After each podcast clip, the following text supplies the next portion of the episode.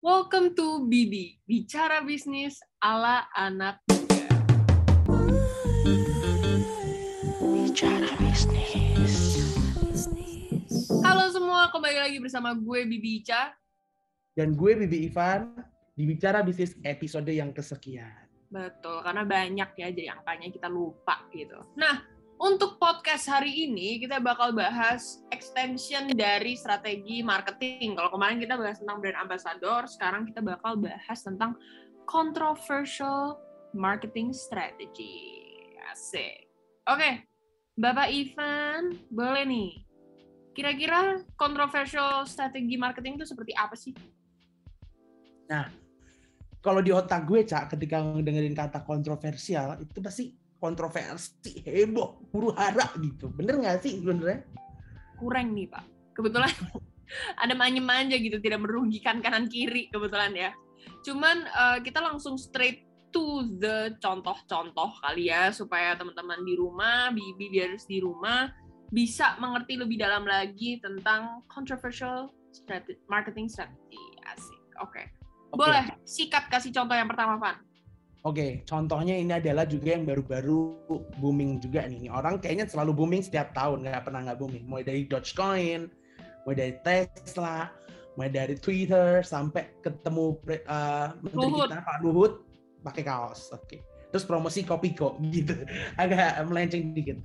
Tapi kontroversinya adalah ketika Tesla ini meluncurkan sebuah truk yang katanya itu truknya anti peluru, Cak, gitu. Hmm, orang kan pasti kayak wow anti peluru ya gitu. Kapan lagi beli truk anti peluru? Dan bentuknya kan kayak kotak-kotak kayak simetris gitu kan. Tuh kayak ka- apa kata lu cak transformer ya? Transformer besti. Nah tapi ketika di tes nih ternyata eh ternyata pecah oh tidak bisa dibayangin kalau gue di momen itu gue udah malunya bukan main kayak pulang kali Oke. pulang langsung ke Solo. Gue langsung bawa mobil truknya lari. Gue langsung bawa truknya lari sejauh mungkin kalau gue bisa gue menyendiri deh langsung ke angkasa gitu ya. Nah tapi ya namanya mungkin rezeki kali ya dan memang the power of Elon Musk justru penjualannya antri loh sampai 1,2 juta. Bayangin walaupun gagal gitu aja yang beli antri cak mungkin itu bisa jadi kayak momentum di mana kayak oh dia beli souvenir momen di mana Elon Musk malu seada-adanya mungkin ya. Itu bisa jadi sebuah faktor kali ya. Bisa jadi. Tapi eh, ya tapi nggak bisa dipungkirin sih. Karena sekontroversial itu mungkin bisa jadi yang mendorong sih penjualannya naik banget gitu sih. Jadi kapan lagi sebuah Tesla ngeluarin truk yang gini gini gini gini kan memang dia gembar-gemborin mungkin di Twitter dia atau di platform dia sampai akhirnya booming dan akhirnya malah penjualannya naik meskipun ya kecewa tapi orang-orang mungkin ngerasa kayak gila gue sih punya Tesla truk ini Betul. dan segala macam gitu. oke oke tapi Van sebenarnya ada satu perusahaan lagi yang berhasil tapi bedanya bukannya bukannya tembak terus habis itu ternyata pecah tapi ini berhasil berhasil bullshit doang lah ya pokoknya. Betul. Nah, jadi ada salah satu company yang namanya 3M nih. Jadi kalau lo tahu 3M, 3M ini kan eh, bidang pengolahan kimia kali ya kalau nggak salah ya. Dia kan ini loh Van yang biasanya di belakang apa stiker HP itu yang bisa 3M, 3M, 3M, 3M. Nah, itu tuh merupakan salah satu company yang menggunakan controversial marketing strategy gitu. Jadi 3M ini ngasih challenge ke masyarakat buat mecahin kotak kaca yang di dalamnya itu ada duit 3 juta US dollars. Dan bagi siapa yang bisa mecahin kaca, bakal dikasih tahu, eh bakal dikasih itu duit. Gila nggak tuh? Berangkat gue Cak. Kapan lagi? Gue kira dari tadi lu ceritain 3M 3M ini 3 miliar beneran. Eh tapi bener loh. Tapi beneran, 3 juta US dollar tuh berarti hampir berapa loh?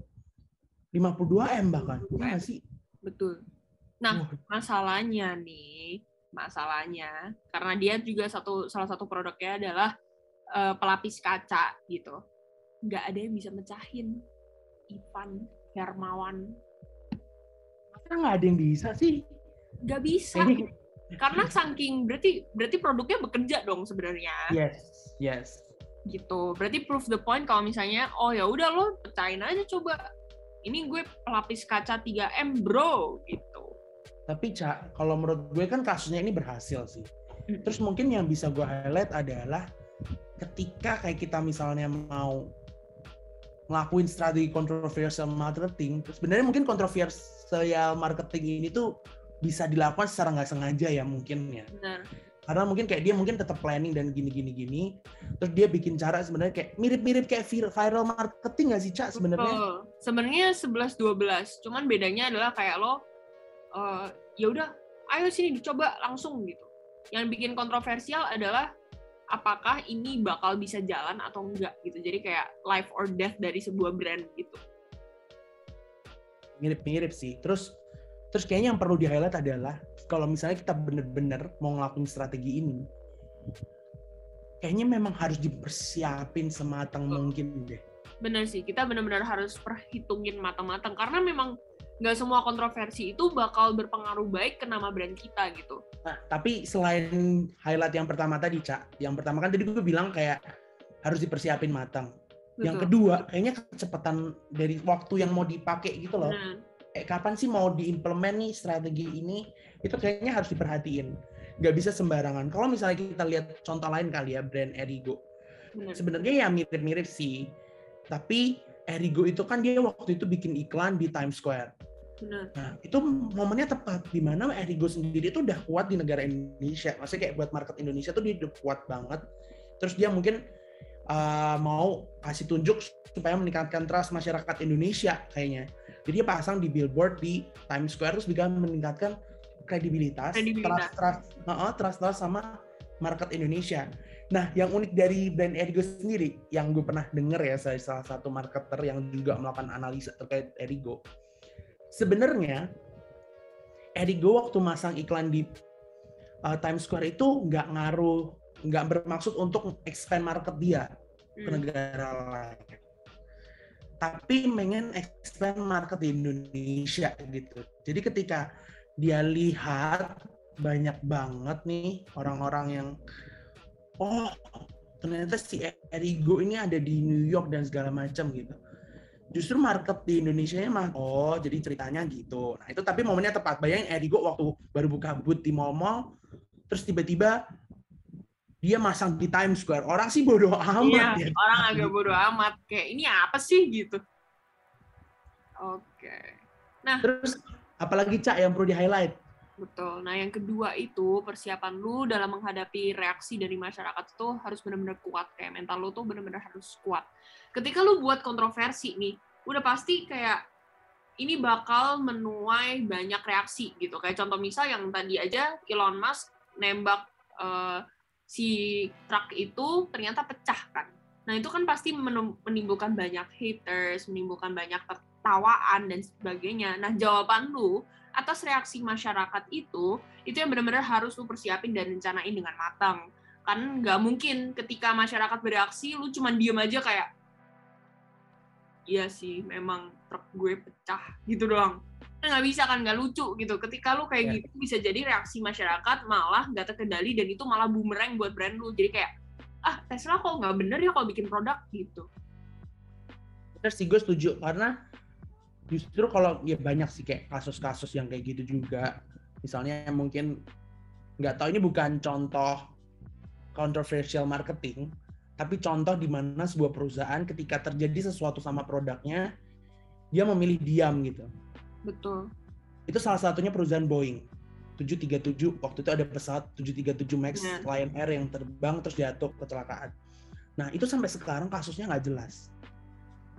Nah justru ketika dia kasusnya nggak terselesaikan, terus perusahaan juga nggak cari solusinya, itu justru menyebabkan kayak trustnya malah makin memudar terhadap brand itu gitu sih. Menurut gue kayak memang harus speak up dan siapin jawaban-jawaban yang possible bisa dijawab.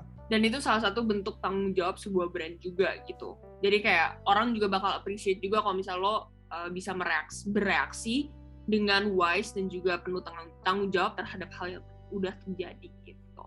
Oke babyers kita sudahi dulu sampai sini aja Sampai jumpa di kesempatan lain kalinya. Gue Bibi Ica. Gue Bibi Ivan, pamit undur diri. Selamat Idul Fitri. Bye-bye. Minal Aidin wal Faidin. Bye-bye.